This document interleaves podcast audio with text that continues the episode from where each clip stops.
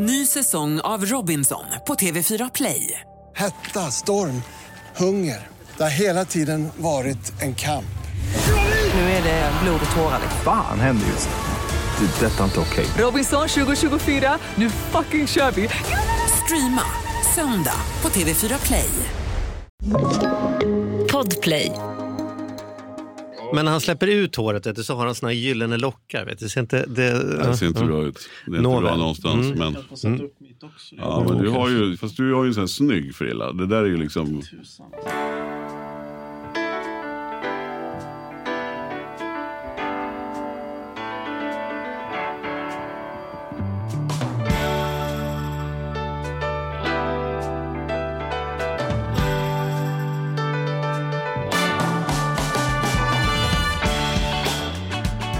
och hjärtligt välkomna till veckans avsnitt av Ekonomi på riktigt med Charlie och Mattias. En podd med två långhåriga skäggiga snubbar där vi pratar om eh, ekonomi på alla möjliga längder och sfärer. Vad tycker du om den sammanfattningen Mattias? Ja, två, vi är väl snart tre, höll jag på att säga. Men ja, Är vi snart tre fast du långhåriga är väl snubbar? inte så långhårig? Tycker du inte? Jo, men lite. Ska du... Ja, men titta. Det är, det är nästan tofs Du har ju alltid gjort som jag har gjort. När jag började med skägg så tog det en stund och sen kom, kom du med skägg. Ja. Och sen tänker jag nu, nu har jag börjat spara långt och då kommer väl du med långt förstås. Det är, väl, Ja. så, det är väl så vi jobbar. Ja, Ja, det kan ju vara något så här omedvetet att man tänker att jag lever i en värld av fria val och sen är jag så inspirerad av dig. Ja, det Ja. kan vara så. Det är många Ja. som är. Ja, jag får passa mig, annars kommer jag skaffa mig ölmage också. Brum. Ja, den- ja, den ja. ja, den ja. Förra gången, eller för, för, förra gången så, så visade du upp din bild på ditt långa hår. Och vi tyckte du såg ut som en fotomodell, men på, när vi la den på Facebook var det någon som tyckte att du såg ut som Gandalf. det var så jävla roligt, så vi gjorde en litet montage. Kan ni gå in på vår Facebookgrupp ifall ni vill se Gandalf. en mashup på eh, Mattias och Gandalf. Mattalf. Mattalf. Just det, Mattalf. Ja, det är bra. Det var ganska, men är det bra med det annars? Ja, men det är jättebra. Det, är, Mm. det, är, eh, det är lysande. Det är ju vår i luften som vi brukar säga. Och, Mm. nej, men det, är, ja, det här är ju en fantastisk period. Vare sig man är, jag tycker vare sig man är i stan eller på landet så är det lika härligt. tycker jag. Det är liksom, folk uteserveringarna börjar fyllas på, folk är på gott humör. Och så blommar det och det grönskar. Och, Och. Ja. och det kommer upp små gullvivorna är på väg. blommar i Kungsträdgården. Ja. Ja. Ah, nu Men du, nu ska du få göra en fin introduktion för att idag Ja. har vi en, en otroligt eh, Finfrämmat, inspirerande. som ja, finfrämmat hade vi. Ja, precis så är det.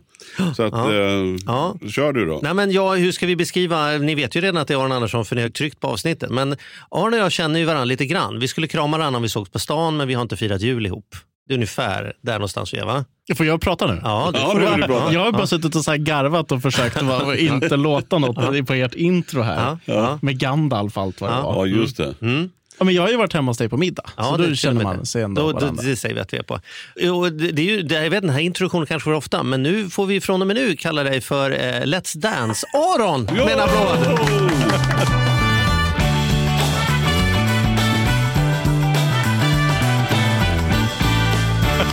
Det känns så konstigt.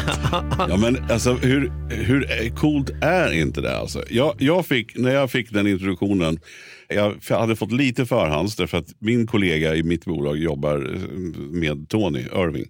Eh, Tony Irving som också var gäst Tove hos oss. som jobbar hos mig, eh, s- supportar eller som är min, min partner, jobbar med, mycket med Tony. Så att jag fick ju lite så här förhands tror jag att det var på väg upp. Och man, där Tove sa det där, du vet, man tittar på armen och så får man bara ståpäls. Alltså jag, Varför fick du Ja, ståpäls? ja, därför jag tycker det är så jävla coolt med, när man bryter liksom, den vanliga normen och att man faktiskt kan dansa fast man sitter i rullstol.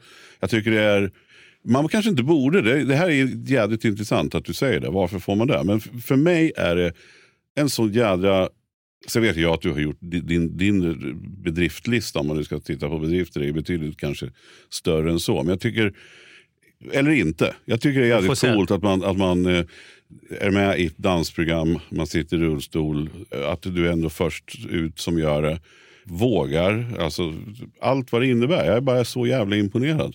Hur, hur gick resan till? Fick du frågan sådär, eller var du, har du själv gått och knackat på i sex år? Nej, men jag, jag, ja, precis. Äntligen. Nej, men jag fick frågan i, höstas från fyran. Då. Ja. Så undrade de så här, men skulle vara intresserade av det här. Och så ringde jag runt och pratade med lite vänner som har varit med. Och alla bara, det är jättekul, du måste vara med. Mhm. Och så tänkte jag, ah, vi kör då. Vem sa det? Vem sa att du skulle varit med? Ja, men Kristin Kaspersen bland annat. Ja. Hon har ju varit med och vunnit och hon tyckte typ att det är det bästa hon någonsin har gjort. Där är Aron, han ringer vinnare först. Liksom, kollar. Ja, det, ingen någon som kom sist och bara, nej. vad fan inte det, det får du inte göra. Nej. Nej, och, och- och, sen eh, tyckte hon att det var så härligt och, och jag var så entusiasmerad av det. Och Sen insåg jag också väl det, det du säger Mattias, att så här, det är nytt, det har inte gjorts innan. Mm. Och Jag vet inte om jag hade liksom ställt upp på Let's Dance om jag hade varit man ska man säga, så stående kändis. För jag tänker att men, det är inte nytt. Det är klart det är jättekul och roligt, men jag vill göra något nytt. Liksom. Mm. Jag vill ju byta gränser, det är det jag tycker är kul mycket, de äventyr jag gör och sånt. Och så här, testa nya saker och sådär. Mm, och sen fick jag frågan nu och sen tänkte jag äh, jag måste prova. Och sen började man researcha, så här, hur, hur gör man när man dansar i rullstol och så. Mm. Eh, För du är inte alltså, rullstolsdansare. Det är, inte som om, det är inte så troligt för ett år sedan att du skulle messa mig och säga fan ikväll ska jag ut och dansa, ska du hänga på? Det Ska vi gå det på inte, tangoklubb? Nej. ja, Nej, men verkligen inte. Alltså, jag, För dig är dans ett ganska nytt område. ja, det jag, jag har dansat ja, men, typ klockan halv två på natten, men eh, promille i kroppen på någon, på någon klubb någonstans. Det har jag tyckt varit kul om man dansar liksom, när man är ute. Men jag har aldrig dansdansat på riktigt. Mm. Och, och bara första veckorna när, man, när jag och Jasmin fick börja köra igång, min danspartner då, och bara lära sig alla så här, ska man säga, grundstegen, då, eller grundrullen, eller vad man ska kalla det med rullstolen. Det är ju så, så himla mycket att lära sig. Mm. Det är, usch, Det är annorlunda än att göra andra grejer. Alltså det du har gjort Ja. tidigare. Det här är liksom... Ja, verkligen. Alltså, alla mina äventyr och sånt är ju typ, okej nu ska vi ta oss från punkt A till punkt B och sen kanske tillbaka till punkt A om man är på ett berg. så. Mm. Och det spelar ingen roll hur det, hur det utförs, bara man liksom tar sig sträckan. Så jag har ju aldrig gjort någonting snyggt i hela mitt liv. Mm. Nu ska ju allt göras från punkt A till punkt B i koreografin och sen ska varenda liten detalj vara snygg. Det är någon liten arm som ska ut rätt och jag har så jättestora händer också. Då får man inte så spreta på fingrarna för då ser det jättefult ut. Då måste man ihop med fingrarna. Ska man ut med liksom något litet... Ah, ah, jag försöker visa här för er. Mm, ja, precis. här. Jättebra radio. Ja, ja, precis. Ja, men vi ser. Vi ser. Du, du har stora händer. Absolut. Ja. Ja. och då är det extra viktigt att göra det snyggt. Och domarna tittar ju så mycket på min överkropp då, för jag har inget fotarbete. Så att, ja, jättemycket sånt att tänka på. Men hur ser en vanlig vecka ut, liksom en Let's Dance-vecka ut för dig? Hur mycket, för man hör ju folk som får sluta därför att kroppen går sönder för att det är så jävla hårt. Så att jag, det låter, det kan, har jag ju ändå liksom läst mig till att man fattar att det är ingen dans på rosor.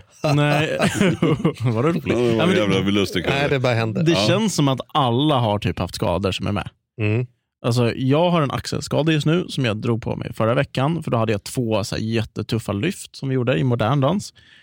Men så att det är väldigt fysiskt jobbigt. Och timmässigt tror jag att jag lägger kanske mellan 40 och 50 timmar i veckan. Ja. Oj, Så det är som ett drygt ett heltidsjobb Mm. det här.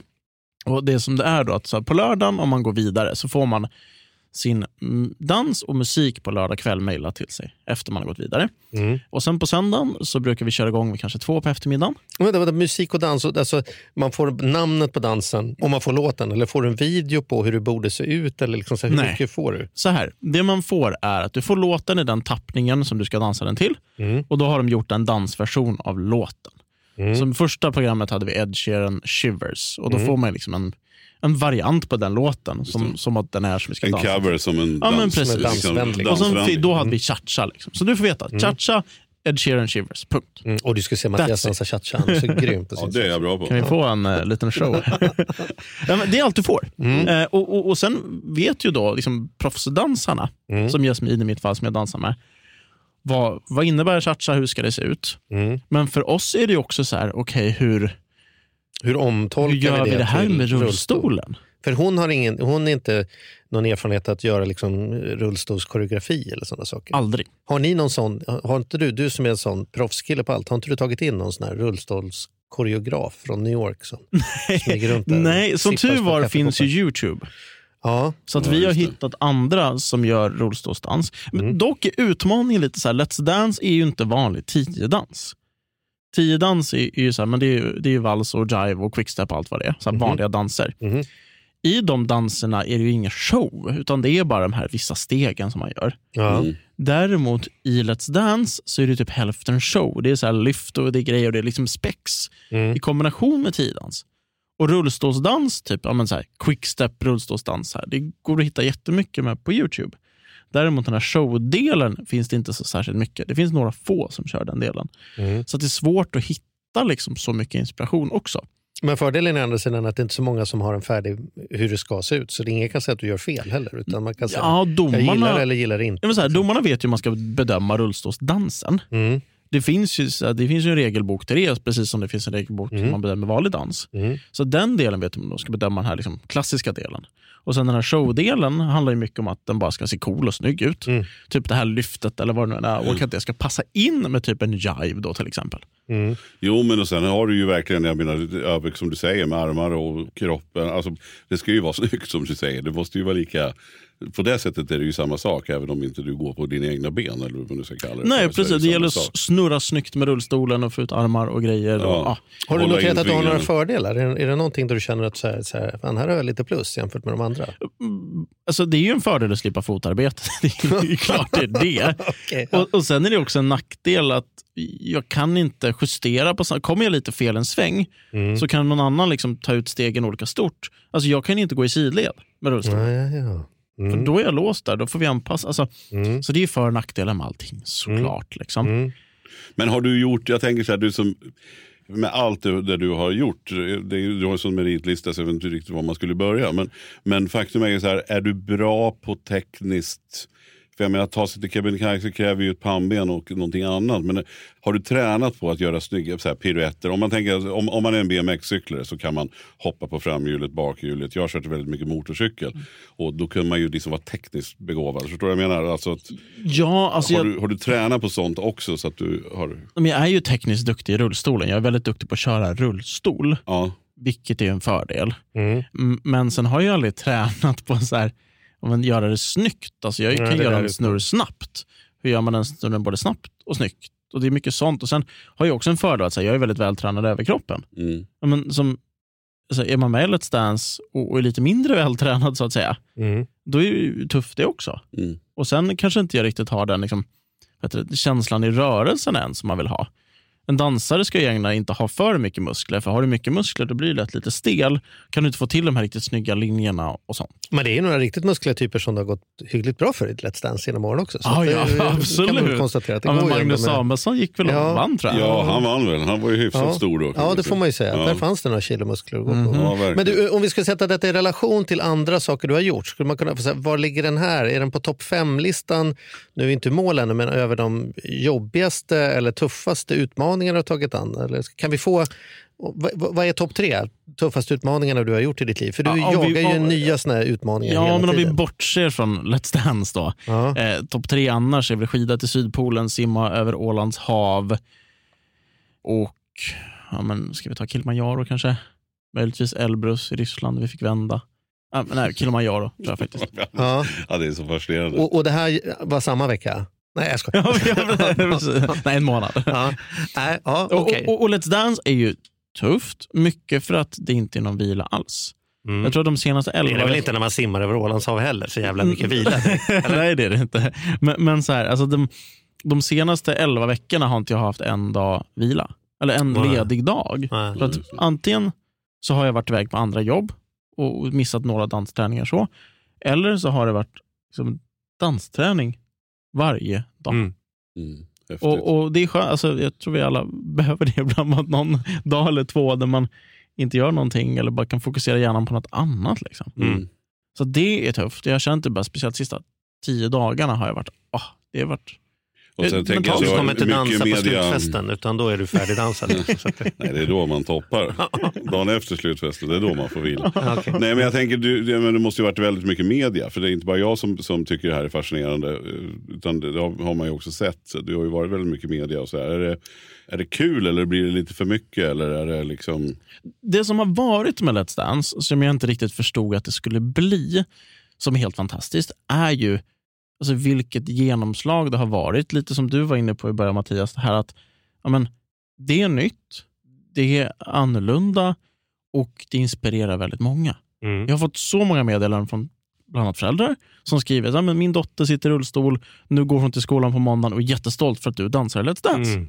Mm. Fasen fint. Och det är så fint. Jag blir så Mm. jäkla nöjd. Alltså, det här har gått från att jag gör det här för min egen del, för att ja, men det är lite kul synlighet, jag kanske kan sälja några föreläsningar efter det här, typ, Mm. ja, Mm. till att jag gör det här för en större syfte. Mm. Vilket känns så viktigt och så fint. Och Därför måste jag hänga i, därför måste jag liksom ha energi i det här och orka dansträningen och kunna göra det som en bättre och bättre varje vecka. Ja. Ja, men verkligen, och just det att man är föreläsare som, som du är och kunna få den, den, det här genomslaget och, och visa. Men även om det kan bli väldigt intensivt då kan jag tänka mig. Ja, det är jätteintensivt. Speciellt när jag har liksom, ett heltidsjobb på sidan om då också. Jag kör ju mina föreläsningar och hela, hela den biten och lite ledarskapsutbildningar och sånt. Och hinna med allt det också. Plus att vi har fått äran att du är här. Det är, Ja, ska du veta att vi är. Ja, det jävligt tar vi inte stolta över. Aha, jag är så- glad över det här. Ja. Jätteroligt. Härligt. Men, men vad, vad... Jag upplever dig som en person som är väldigt driven av att, att göra skillnad, att sprida ett budskap, att alltså jobba med den typen av saker. Hur, hur funkar det i din vardag? Vi ska komma in på att du har samlat in hyggligt mycket pengar åt organisationer och sådana saker. Hur, hur, hur, hur har den resan varit för dig? För det är ju inget karriärbeslut du gjorde att du vill bli rullstolsburen. Utan det är ju inte som att det följer, med rullstolen följer någon skyldighet att man ska bli någon typ av ambassadör för en fråga. Är du med jag menar? Ibland kan man vara så här, eh, att- att bara för att man har någonting eller gör någonting så har man någon skyldighet att man på något sätt ska vara representant för en rörelse. Liksom. Hur har det varit för dig? Liksom, den Ja, men, processen? om, om, man, om man backar bandet lite då och ger lite bakgrundshistoria till det. Så att jag sitter i rullstol på grund av att jag hade cancer i bäckenet som liten. Det upptäcktes när jag var sju, jag hade ont i rumpan att sitta. Någon månad senare kunde man konstatera att det var cancertumör, satt i bäckenet. Gick igenom ett år med, med cellgift och strålning. Jävligt tufft såklart. Och till slut så, så inser väl läkarna att det här funkar inte, vi måste operera. Jag opereras när jag är nio. Och i samband med operationen skär man nerven som går till mina ben. Så att det är därför jag sitter i rullstol. Och sen på senare år när jag höll på Det, där var, det, idrott. bara, det lät så jädra obehagligt och dramatiskt. Du, du säger att man, gör man det, var man tvungen att göra det? Så att säga? Alltså, Ja, alltså- är, det- är det någonting som, när man tar en sån operation, då är Då får man leva beslutet med fattat att då kommer vi att klippa benen så att säga. Ja, man visste ju konsekvenserna av operationen. Man visste hur cancern satt. Mm. Man visste att man var tvungen att göra operationen, annars skulle jag dö. Så att det fanns inget val. Och ja, Man visste att så här, jag, skulle få, jag har lite funktion i benen, jag kan röra mig en del. Att, Men- ja, jädrar, ja. Ja. Men, men eh, jag är lite lyxhandikappad. Så. Ja, det skulle de veta på Let's Dance. Det hade de inte låtit komma undan med att inget fotarbete. Nej, men vi, jobbar ju, nej, men vi har ju också haft en gäst i podden som heter Jasmine Nilsson Mm. som jag också jobbar lite grann med som dök när hon var liten, och, eh, eller var 12-13 år. Mm. Och bröt ju, och hon har ju precis ing, alltså, Ja, liksom men det- ingenting hon Det är ju väldigt skillnad på att sitta rullstol och sitta i rullstol. Som jag, jag, jag känner Jasmin, hon eh, vad heter det? Jag menar, är ju förlamad ganska högt upp. Har ju liksom nedsatt funktion i armar och sånt. Och om jag jämför henne med mig så är jag verkligen lyxhandikappad. Mm. Alltså, kommer det liksom tre trappsteg och, och, och jag behöver liksom ta mig upp för dem, då kan jag ställa mig upp, jag kan slänga upp rullstolen, jag kan stötta på den och ta mig upp för trappan. Alltså, Ja. det funkar, men, men, men för henne så, så här, hon behöver inte bäras upp där. Mm. Alltså, det, det är en väldig skillnad för mig Mm. att kunna ha lite funktion i benen. Men, men ändå, då, jag måste ändå säga, jag, med risk för att låta som någon slags kvällstidningsjournalist här, men minns du hur, hur det var, alltså, alltså just det här beslutet? Att, att så här, från man är, ganska, man är nio år så är man ju extremt rörlig, eller åtta då, busig, springer, far. Alltså, hur, hur var det? Alltså, kommer du ihåg? Liksom, Alltså, så här, läkarna sa inte liksom att du kommer hamna i rullstol. De sa att du kommer kunna gå, fast mycket sämre. Och Jag tror att jag levde så mycket på det hoppet att jag kommer kunna gå. För efter operationen så gick jag också med rollator, för jag fick inte sitta på ett år efter operationen. Så då kunde jag ändå inte sitta i rullstol. Och, och Det där gav mig så mycket hopp på något sätt att ja, men inte sitta i rullstol. För just ordet rullstol för mig var så otroligt. Så sitter man i rullstol och är man handikappad, då är livet över. Det, det är kört då. Men jag kunde ju gå, så jag gick med den rollatorn och var väldigt så här, glad och stolt över det. Och sen, sen var jag på ett rehabläger på Gran Canaria när jag fick börja sitta. Och det var en ledare där som såg att men, han skulle ha ett mycket bättre liv i rullstol. Mm. Så den här ledaren, Pia hette hon, liksom, i princip tvingade mig att prova hennes rullstol. Och, och, och Jag var ju otroligt skeptisk, jag vägrade från början, men till slut liksom fick hon ner mig i den där stolen. Och jag kommer ihåg att liksom, ta några tag med den och känner så här, wow, det, det är klart jag ska ha rullstol. Det här är ju mycket, mycket bättre. Mm. Men samtidigt var det en otrolig rädsla, för jag tänkte att sitter man i rullstol, men då är man handikappad och man är deprimerad, livet är kört. Istället är den där stolen liksom det bästa som har hänt mig. Typ. mm, ja, fascinerande. Men därifrån till att, till att bli en sån kraft i Sverige får man ju ändå säga att du är. Du är en inspiratör och samlat in massa pengar och gör saker. Så, och det är ju inte baserat på rullstolen, det är ju du. Det är ju liksom det du, det du lär ut och har gått igenom och, och fortsätter att göra handlar ju mer om pannbenet än vad det handlar om vaderna. Liksom. ja, men så är det. Och, det. och hela den insamlingsbiten började mycket med att jag var med och cyklade med Team Rynkeby från Sverige ner till Paris. De har blivit väldigt, väldigt stora. Jag vet inte om ni känner Mm. till dem. Men, men det är så här, gulklädda cyklister som cyklar från Sverige ner till Paris för att samla in pengar till Barncancerfonden. Så jag var med där 2013 och cyklade. Tyckte det var fantastiskt och då fick vi in mycket pengar till Barncancerfonden genom att man säljer sponsorplatser på tröjorna till företag. Och alla pengarna går då direkt till Barncancerfonden. Inga pengar går liksom till cyklisterna som är med. Så var jag med i det där, tyckte det var kul och vi fick in ganska mycket pengar och sådär. Och, och där liksom, det här var väl 2013 på hösten, så började jag inse att så här, min story är väldigt så här, men sociala medier-vänlig på något sätt. Sociala medier handlar mycket om att beröra, liksom, få folk att känna någonting och på så sätt kan man få, få liksom inlägg som blir mer virala eller mer spridda. Så. Och Då skrev jag ett inlägg där på hösten med hjälp av en kompis. För han hade gjort ett liksom liknande. Han bara, men du skulle nog kunna göra det här. Skrev det inlägget och så la en länk till Barncancerfonden. Så det inlägget genererade så här 70 000 spänn eller någonting till den här insamlingen Barncancerfonden. Wow. För det liksom fick så bra spridning. Men här finns det någonting. Nu, vet man som man som företagare Mm. entreprenör, Mm. bara liksom man, man gör någonting och så bara, ah, här reagerade marknaden mycket mer än vad vi trodde. Här finns det någonting. Här fortsätter vi liksom jobba, här gräver vi lite till. Och det startade liksom mina insamlingar någonstans.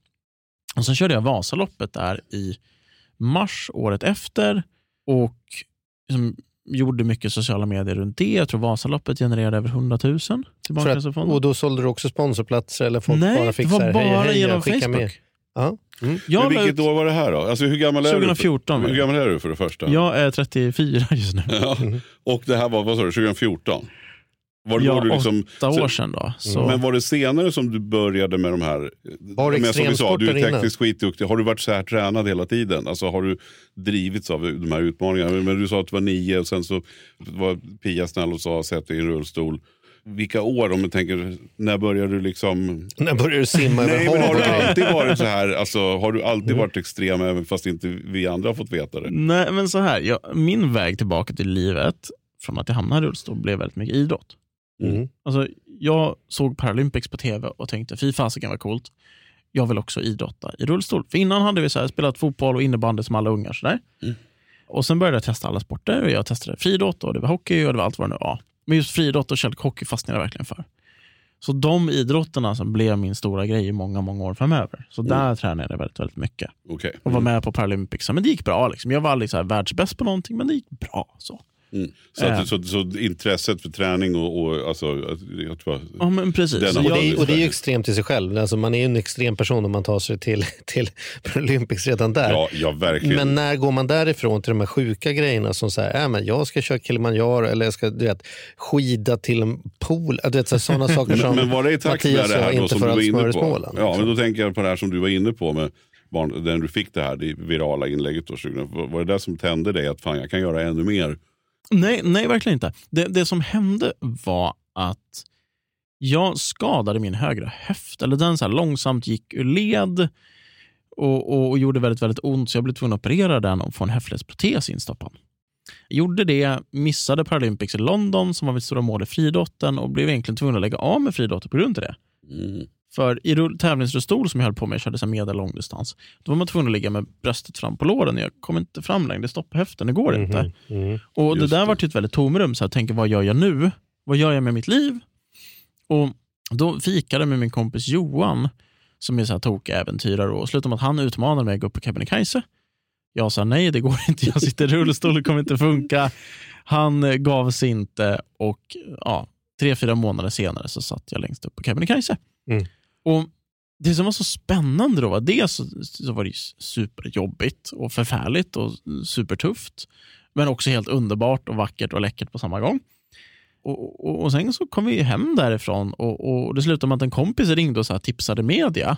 Så jag var överallt i media i så två dagars tid efter Kebnekaise. Jag satt i morgonsoffan på SVT TV4 samma morgon. Liksom. Mm. Helt sjukt.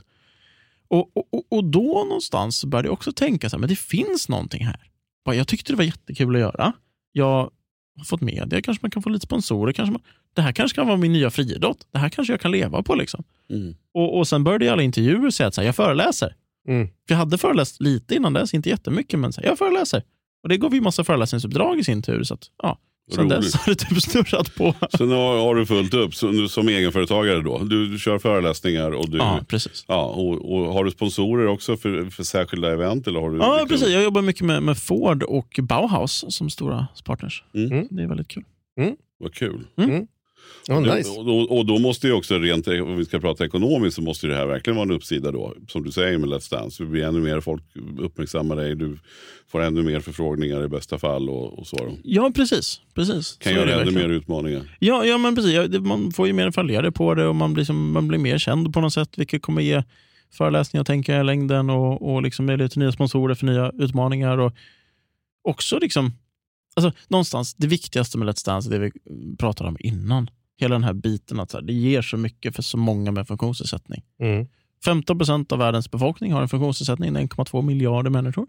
Mm. Hur, hur många med synlig funktionsnedsättning syns i tv? Mm. Det är Ja, det är många. fruktansvärt. Och jag, jag, det där har jag ju pratat, det pratar vi ju mycket med Ja, Jasmin gud, ja. om Mm. också. Just det här att varför, varför är- är det så för? Varför är det inte någon som sitter i rullstol som läser upp vädret för? Mm. Alltså, det kan det är man fråga sig. Jag tänker Alltså, så- SVT, ja, men det är jag vet helt- inte om man ska kvotera in, men det är väl nästan lite SVTs vad ska man säga, uppdrag att visa alla samhällsgrupper, även i tv. Ja, Mm. nej, och det där, det där vart ju som sagt var, vi hade ju då som sagt, Nej, återigen, vi pratar om. Jasmin, men Mm. vi kan gå tillbaka och lyssna om man vill på, Mm. jag söker bara Jasmin på vår hemsida. Mm. Så, så, men, men för mig vart det någon slags väckarklocka då också. Så här, ja, visst ja, man har liksom inte riktigt som, som icke funktionsnedsatt så är det så jävla lätt att inte tänka på det bara. Så här. Och varför inte då? Det finns ju så många roller inom media framförallt, Mm. eller inom hela samhället såklart. Men, Mm. men just det här kan man tycka att på mediasidan så ingenting. Alltså man, Mm. man ser ju knappt någon. Det är så att, och det är helt bedrövligt. att Tittar vi tittar på tv så skulle vi haja till. Och liksom jag också reagerar när jag hör och tycker ju att det är jävligt positivt. Men det är också märkligt att man, att man ska reagera. Att det ens kan vara en grej. Ja men om liksom. vi hade sett någon som rullar fram och pekar på vädret. Mm. Då, då hade man ju liksom, oj, jädrar. Ja, men förhoppningsvis Och- och i framtiden så kommer man inte göra Nej, det, det är det jag jag. menar. Och- Och det är väl det som är också ett jädra fint steg. Att du tar det här. Och just med dans, det är ju också så eh, skithäftigt. Alltså. Ja, men det känns ju extremt. Ja, men- Då ja, men det snackar vi inte om att peka Men- på vädret längre. Men otroligt viktigt. Jag tror också att, det, att du kan ju då vara en, en extrem förebild för, för dem. Dels som för mediebolagen att faktiskt göra saker. Eller samhället i stort om man ska hårdra det. Och inte minst för den här, det ändå finaste det är ju ändå det du berättar med inspiration för de barn kanske som sitter i rullstol. Mm. Känns tycker det är jobbigt. Det kanske är ännu viktigare. Men, men på tal om det, då, är det kan det vara rent ekonomiskt då? Vi är ju dock en ekonomipodd. Liksom.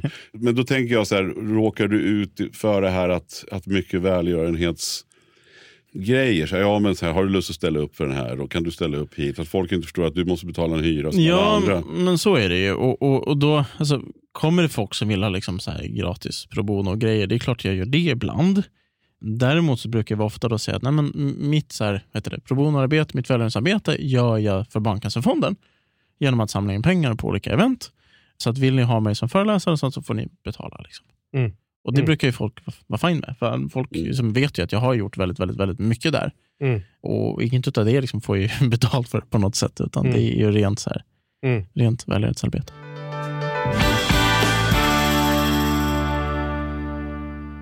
Den här podden gör vi även den här veckan i samarbete med SaveLend. Fan Mm. vad kul det är att ha dem med ombord. Mm, jätte, jätteroligt. Ja, vi brukar ju prata om att man har något band som man såg jag stod Bo Kaspers jädrigt tidigt liksom, innan man gjort tv-debut. Och du har något hårdrocksband som du var jävligt tidig på. Ja, alltså jag var på, på Lilla Teatern Göta Lejon och såg Metallica Ja. 1984. Så gammal är jag. Och jag var i kontakt med SaveLend när det fortfarande var typ tre, fyra personer där från början. När jag fick möjlighet att träffa dem. Eh, och nu är de ett stort bolag, fyller tio år, finns på börsen och jobbar helt enkelt med att vanliga privatpersoner och företag kan investera pengar eh, i eh, lån och krediter. Så man får riktigt bra ränta. Så eh, det rullar på efter tio år, bättre än någonsin. Fantastiskt kul att ha dem med här i podden.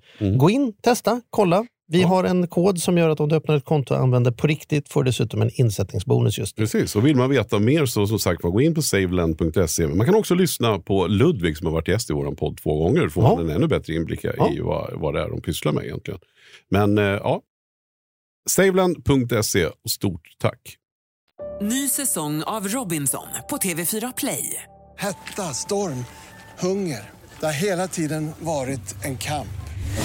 Nu är det blod och tårar. liksom. Fan händer just nu. Det. är Detta är inte okej. Robinson 2024, nu fucking kör vi! Streama söndag på TV4 Play. Ett poddtips från Podplay. I fallen jag aldrig glömmer djupdyker Hasse Aro i arbetet bakom några av Sveriges mest uppseendeväckande brottsutredningar. Går vi in med hemlig telefonavlyssning och, och då upplever vi att vi får en total förändring av hans beteende. Vad är det som händer nu? Vem är det som läcker? Och så säger han att jag är kriminell, jag har varit kriminell i hela mitt liv men att mörda ett barn, där går min gräns. Nya säsongen av Fallen jag aldrig glömmer på Podplay.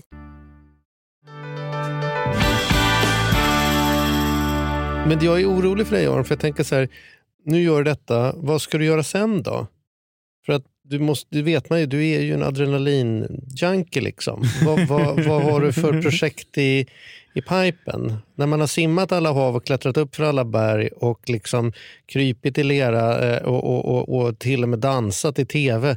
Vad, vad ska du... Vad, vad, Till och med, vad, är det det värsta du kan tänka Nej, dig? men alltså, jag, ja, men det var ju, Ja, bara, det det- var ju det- något helt annat i alla fall. Men du har ju det lyckats, men man du aldrig hitta ett område. Nej, det ska man vara glad för. Vi kan slippa. Ja, men, Förstår du vad jag menar? Finns det en bruttolista med projekt som du säger, ja, någon gång, men inte än? Liksom. Finns Arons liksom... det, det är väl klart man hade liksom tänkt på typ så här Everest till exempel. Mm. Som en jättehäftig grej. Så här, skulle det vara värt att göra? Skulle man vilja ta sig upp där? Ja, jag skulle jättegärna göra det, men jag vet inte om det är värt risken. Mm. Just för jag vill gärna leva ett långt och Mm. friskt liv Mm. så med alla tår och fingrar i behåll. Mm. Men sen, så, i början av mina äventyr så gjorde jag nog mycket äventyren mer så för att bevisa för mig själv och kanske till viss del andra också att det går det här, det går att göra. Mm. Nu gör jag nog mer äventyr mest för min egen njutning. Mm. Och Till exempel hoppar jag mycket fallskärm och flyger mycket skärmflygning just nu. Och Det gör jag liksom bara för att jag själv tycker att det är underbart. Ja, det där är långt borta från att du och jag skulle tycka det var underbart. och kastas ur ett fungerande flygplan. Liksom. ja, ja. Fast jag har ju varit där. Jag blir räddare och räddare med åren och det kan skrämma mig lite. att jag... Du är så jag rädd så blir- till och med börjar skrämma dig att du blir rädd. Ja, nej, men jag blir mer och mer bekväm. Jag Harig. blir mer och mer harig. Jag vågar inte åka allt på Gröna Lund längre. Jag, jag pratade om det tidigare, men just med, med barnen så var det så här att jag, jag tyckte det var viktigt, nu är mina barn runt 20, men när de kom och så, där så var det viktigt att inte fega ur. Liksom, att man måste göra saker, och, och, ja men du fattar, på en vettig nivå. Inte i att klättra upp på Kebnekaise kanske, men, men, Men Kebnekaise är väldigt säkert. Ja, det, jo, i och för sig, det kanske det är. Men ändå. Eh, ja, men det var viktigt att tälta, det var viktigt att våga åka saker och att inte vara rädd. Gå för före och visa att världen är till och för en, liksom. Men ju, mindre jag, ju mer jag har liksom kunnat slippa det här för att de vågar ändå, Mm. ju mer bekväm och ju mer rädd har jag blivit. Mm. Och jag är ju så höjd nu så att jag kan knappt gå ut på en balkong som är över tre Mm. våningar utan att jag nästan får svindel. Och det är pinsamt. Jag, har, jag, har, jag hade faktiskt Guinness rekord i bakhjul. Jag åkte motorcykel på bakhjulet i 240, 256 km i timmen eh, en gång i tiden. Så att jag har ju verkligen inte varit någon, harig typ. Och det var ge- rekordet i... 256. 256 Och det var den då. fortaste bakhjulskörningen Ja, då. någonsin. Nu åker Jo, jo. folk 400. Ja, jag, var- ja, Ja. det bryr jag inte om. Men min poäng, det var det som var rekordet. Att det Ja, var, det var ingen liksom- har kört så fort. Men det är ju galet Det skulle jag aldrig våga. Nej. Nej, nej, nej. Men kände du dig trygg när du gjorde det? Kände du att Men jag den har är ungefär som du åker på bakhjulen på din rullstol. Alltså, Äh, lugn och fin. Konsekvensen om jag ramlar är inte så höga. Konsekvensen Nej. om du ramlar är 256 km timmen. Ja, är ja men, är sant. men samtidigt så skulle det inte hända. Det, det låter för mycket värre än vad det är. Liksom, det är inte så farligt. Men, nej, men det jag menar är Formel att 1 kanske? Nu skulle Ja. jag inte göra det. Ja, men alltså, nu skulle jag inte göra det. Och då menar Mm. jag för dig, kan du... Det känns ju som att gör man saker och utmanar sig så är det nästan så här, jag kan göra något ännu tuffare, jag kan göra något ännu hårdare. Mm. Men känner du också så för att du nu sa du ju också precis det att du gör faktiskt de här grejerna för din egen njutning nu. Inte för att du behöver kanske bevisa något längre. Eller du måste inte, du har redan inspirerat, du har redan gjort så mycket som är nästan omöjligt. Men, men kan, du, kan du också börja känna dig lite bekväm med 35 år snart? kan, kan du liksom säga, nej men jag kanske inte ska göra Everest, det kanske är lite farligt. Nej, men jag känner mig nog kanske bekväm. Så. Ja, lite. Ja, absolut. Och, och, och nu känner jag att så här, jag kanske skulle vilja göra äventyr mer men, och ta med andra på det. Mm. Och någonstans ut, visa dem att så här, hej, du klarar så mycket mer än vad du tror. Och gå in i någon sorts kanske mer mentorroll. Just det. Det tror jag hade varit jätte, jätteroligt. Och sen, Anordna turer till Ja, Machu Picchu. ja, men lite Ja. så. Liksom. Mm. Och, och, och sen skulle jag, alltså, jag har ju sådana drömmar om att kanske gå upp på Matterhorn och lite sånt där. Och det hade varit jätte, Vad jävla vad det var berg hela tiden. Ja, men de är ju läckra de här bergen. Men, och sen är fallskärmshoppning väldigt kul. Alltså, det finns ju så mycket som är roligt. Mm. Men, men kanske lägga saker mer på en, på en så här icke lika dödsfraktande nivå. Så, För att jag eh, gillar mitt liv. Men du kommer, ju få så mycket, alltså. du kommer ju få så mycket förslag nu. Nu, nu kommer Ja. du få, du har säkert redan fått från The Island, eh, tv-programmet. Du, har, du kommer att få... Nej, jag har inte fått det. Har du inte fått den? Nej, okej, men den kommer. Jag jobbar som medieagent och eh, har ett annat. Så jag, jag, Mm. Du vet vill du hur ha dem så, så Tåget vi. går. liksom. Vad gör en mediaagent? Nej, men jag jobbar så, men de tänker en fotbollsagent fast jag gör det för programledare, eller alltså mediaprofiler. Eh, Allt från lite youtubers till föreläsningar till... Mycket enkelt kan man säga då om man ska vara aktuell. När Anders Bagge sjunger om Melodifestivalen, då är det Mattias som har fixat det.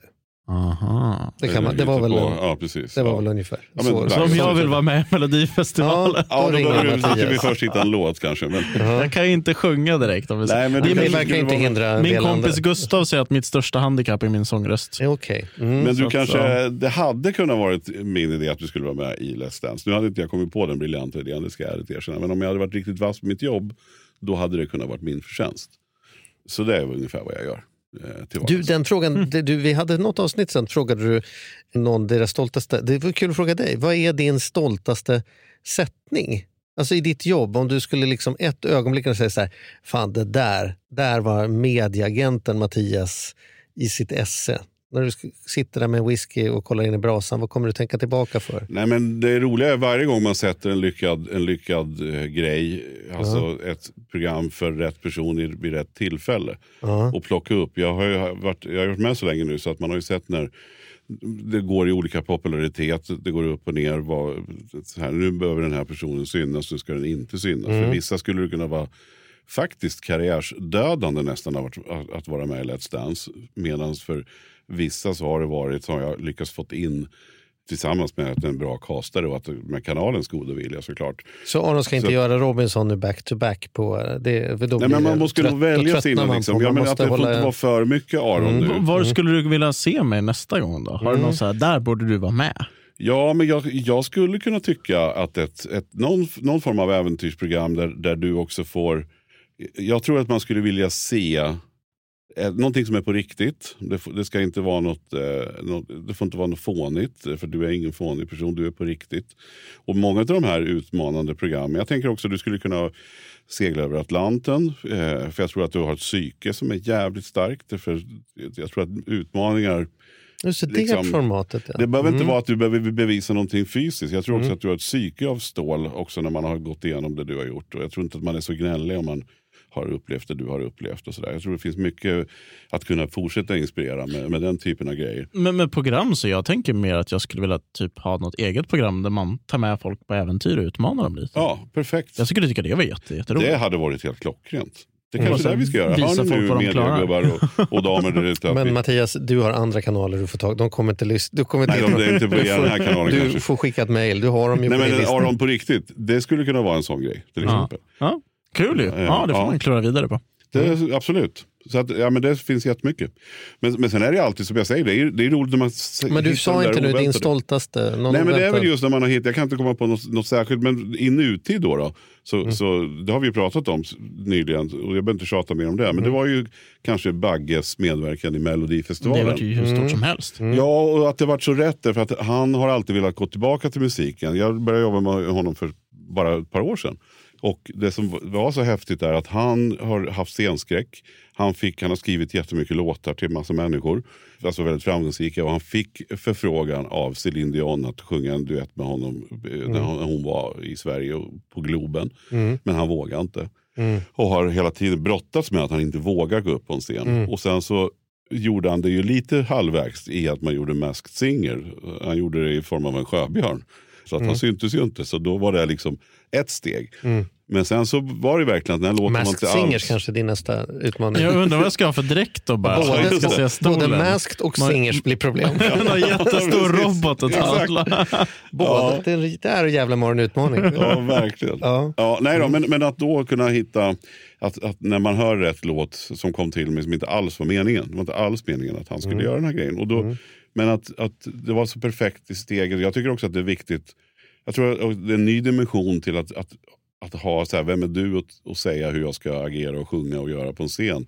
Om man, så här, nu han, tycker jag att han har visat för adepterna också att man kan övervinna. Även om du är skitduktig att sjunga så kanske du inte vågar. De har ju sett mycket på Idol. Att det är jättemånga som inte riktigt har det där fullt ut, att de vågar ta för sig. Och det tycker jag är en ball grej att han som, som plus 50 går upp och med scenskräck och levererar. Liksom. Så att det är ju i- nutid så det senaste. Nu var ju frågan om dig. Och du, liksom Jo men det var det så sista momentet som jag menade. Det, Ja. var, det var ändå mitt, mitt, min idé så Ja, att säga. det var din idé. Ja, och Ja. den är jag jättestolt över. Och det följer superbra ut. Liksom. Mm. Mm. Så det, det är ju kul. Mm. Men eh, vidare här då, så kan det vara nästa steg då? Ska vi hitta på något?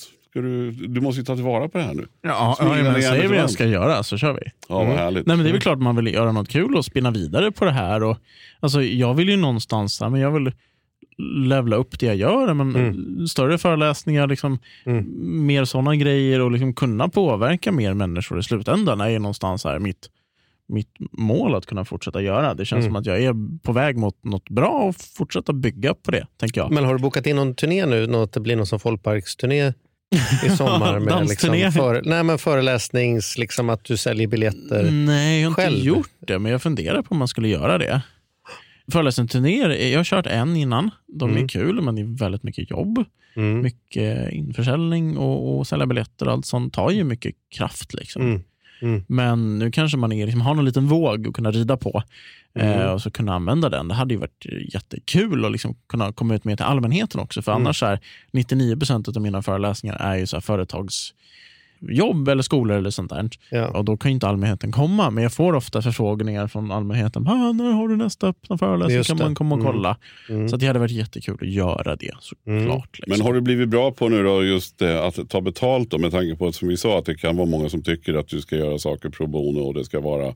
Har du liksom eh, landat i att kunna sätta ner foten och, och förstå vad du sitter på för kunskaper och erfarenheter? Ja, men det tycker jag väl ändå. Så jag ligger väl där folk ligger i den här branschen, tänker Mm. jag, prismässigt. Så att, ja, jag tror att jag har en, en kille som säljer mig, så att jag säljer mig inte själv. Nej, Vilket är ganska perfekt. skönt också. Ja, jättebra. Slippa vara den som sitter och säger. Jag tycker alltid det är ganska pinsamt att säga vad, jag, vad man kostar. För Ja. att jag, så här, jag kan komma för 2000 och prata. Så här.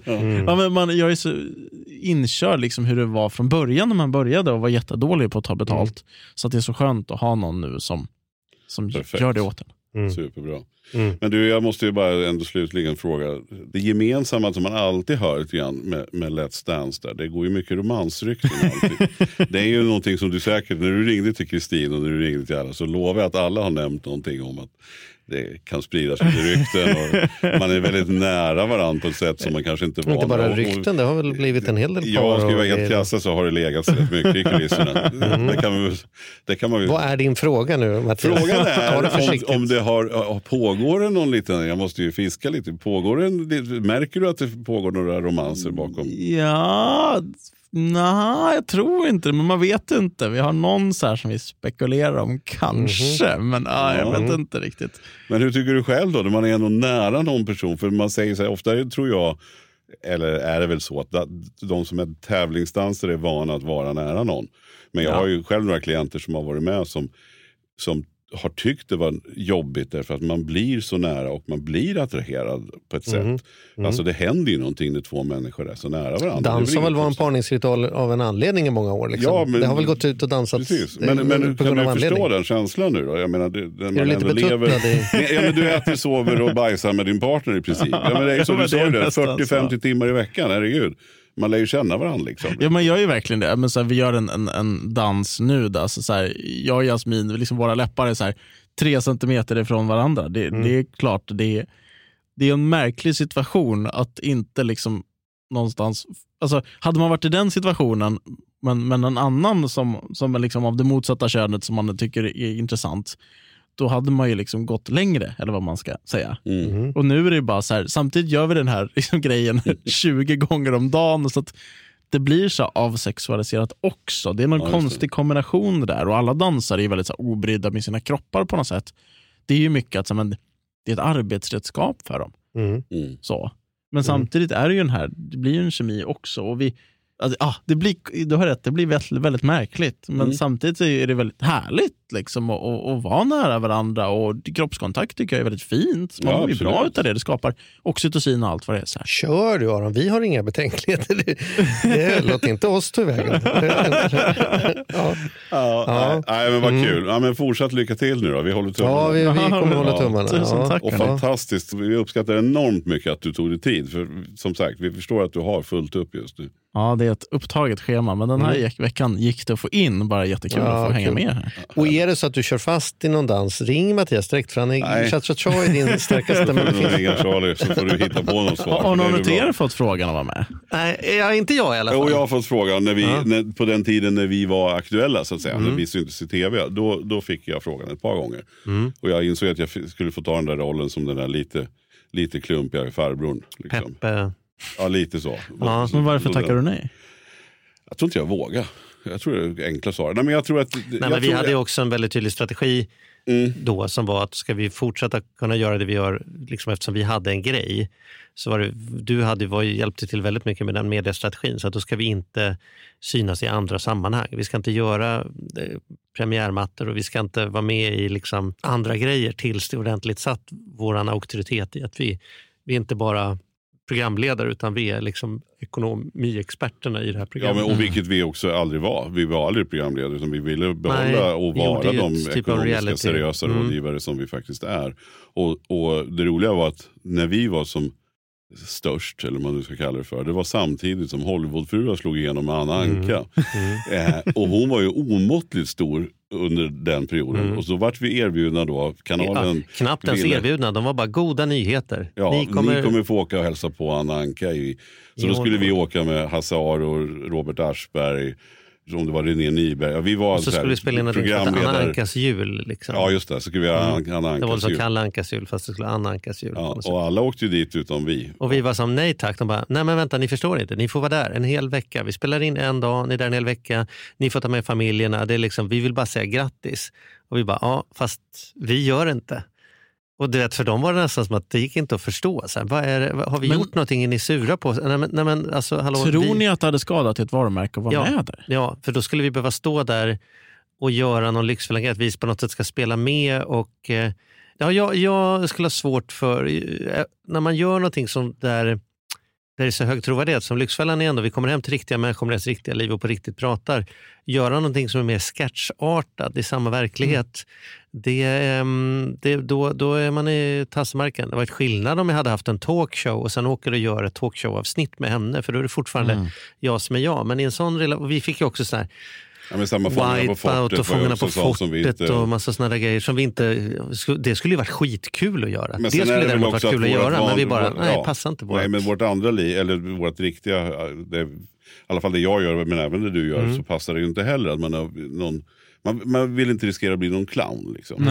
Och, och det kanske är mer just en, av den karaktären. Jag menar inte att det är fel att vara med i tv-underhållningsprogram. Men för oss, att eh, Anna Anka, var, det, det, där gick gränsen. Liksom. Och inget, inget ont om Anna Anka, men, men där. Ja, ja, men det där är också intressant i så här medielandskap. Jag tänker för, för min del, om jag skulle, man, dels så vill man ju som bli mer, kanske inte känd, men välkänd i alla fall. Mm. Känd låter så konstigt tycker jag. Mm. Och så, så vill man ju också liksom bli det av rätt orsaker. Ja, verkligen. som, som, ni säger också. Liksom, Ja. För att någonstans så här, kunna bygga vidare på det man själv vill göra Mm. och inte bara bli så här plojkänd på något sätt. Att Mm. man syns överallt och är med i alla så här lekprogram och skämmer ut sig. Mm. Och Det är en svår balansgång Det är det där, att välja sina Mm. mediaframträdanden. Mm. För det är klart att man ska göra dem och för dig, så, särskilt med din profession, så bygger det mycket på att du är igenkänd som gör att du får de här uppdragen och sådär. Så att, jättebra, men det, jag tror att, att varje gång ställa sig frågan vad är syftet och också titta på tidsaspekten så det inte blir för mycket ihopgeggat. Men som en Let's Dance, du, du som ändå är expert på det här Mattias, sk- skulle du kunna känna att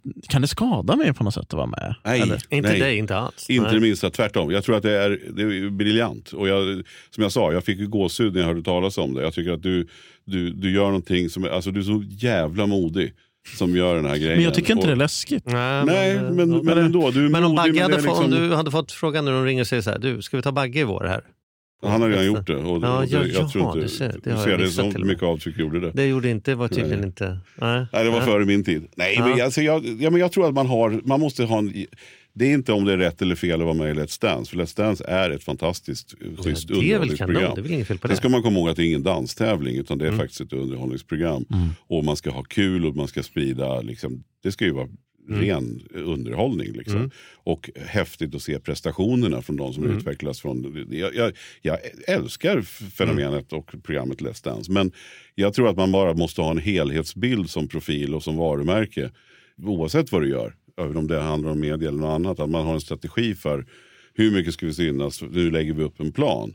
Vi, kan vi komma in där så då, bra. Då behöver vi inte göra nästa program som går i Mm. höst. Då kanske Mm. vi ska vänta vara med i ett häftigt program som sen kommer till våren. Eller? Jag har fått mycket frågor om att vara rolig. Det är en sån som jag får. Du Mm. som är så rolig, skulle inte du kunna komma till oss och göra stand-up eller vara med i någon typ av sån här humorshow eller sådana saker?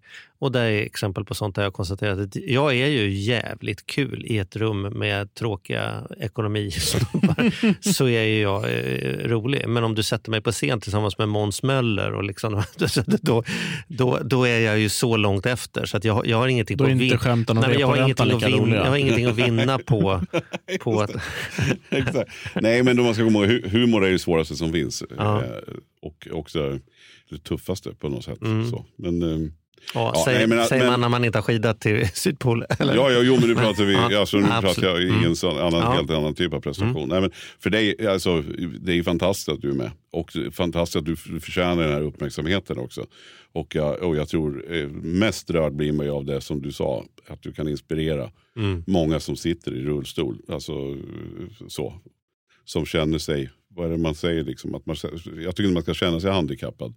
Fan, det är väl inget konstigt. Mm. Nej, man ska väl känna sig som vem som helst. Man har lite andra förutsättningar i livet. Tänker jag. Ja, för alla vi har ju olika förutsättningar i livet oavsett. Det behöver inte Mm. handla om att man sitter i en Mm. rullstol eller inte. Du har ju kommit långt med ditt utseende Mattias. Och Ja. liksom det, så det finns ju Bara en sån sak. bara visar att man kan överbygga egentligen nästan vad som helst. Att, Jag bara, hörni, hörni, nu ska vi avsluta vi detta. Jag tror ändå vi kan vara överens om en sak. Det är att när Aron liksom har lagt alla äventyren på hyllan och tittar tillbaka på sitt liv, då kanske är det här bortavsnittet han kommer komma ihåg som liksom toppen på hans Kebnekaise mediakarriär. Tänk att jag var med i Ekonomi på riktigt en gång. Ja. Ja. Ja, ja, vi vi hade i alla fall en, en, en, en trevlig timme. För oss säga. var det fantastiskt. Jättetrevligt, Ja, det Tusen, tusen tack. Och lycka till på dansgolvet. Tack så mycket. Tack.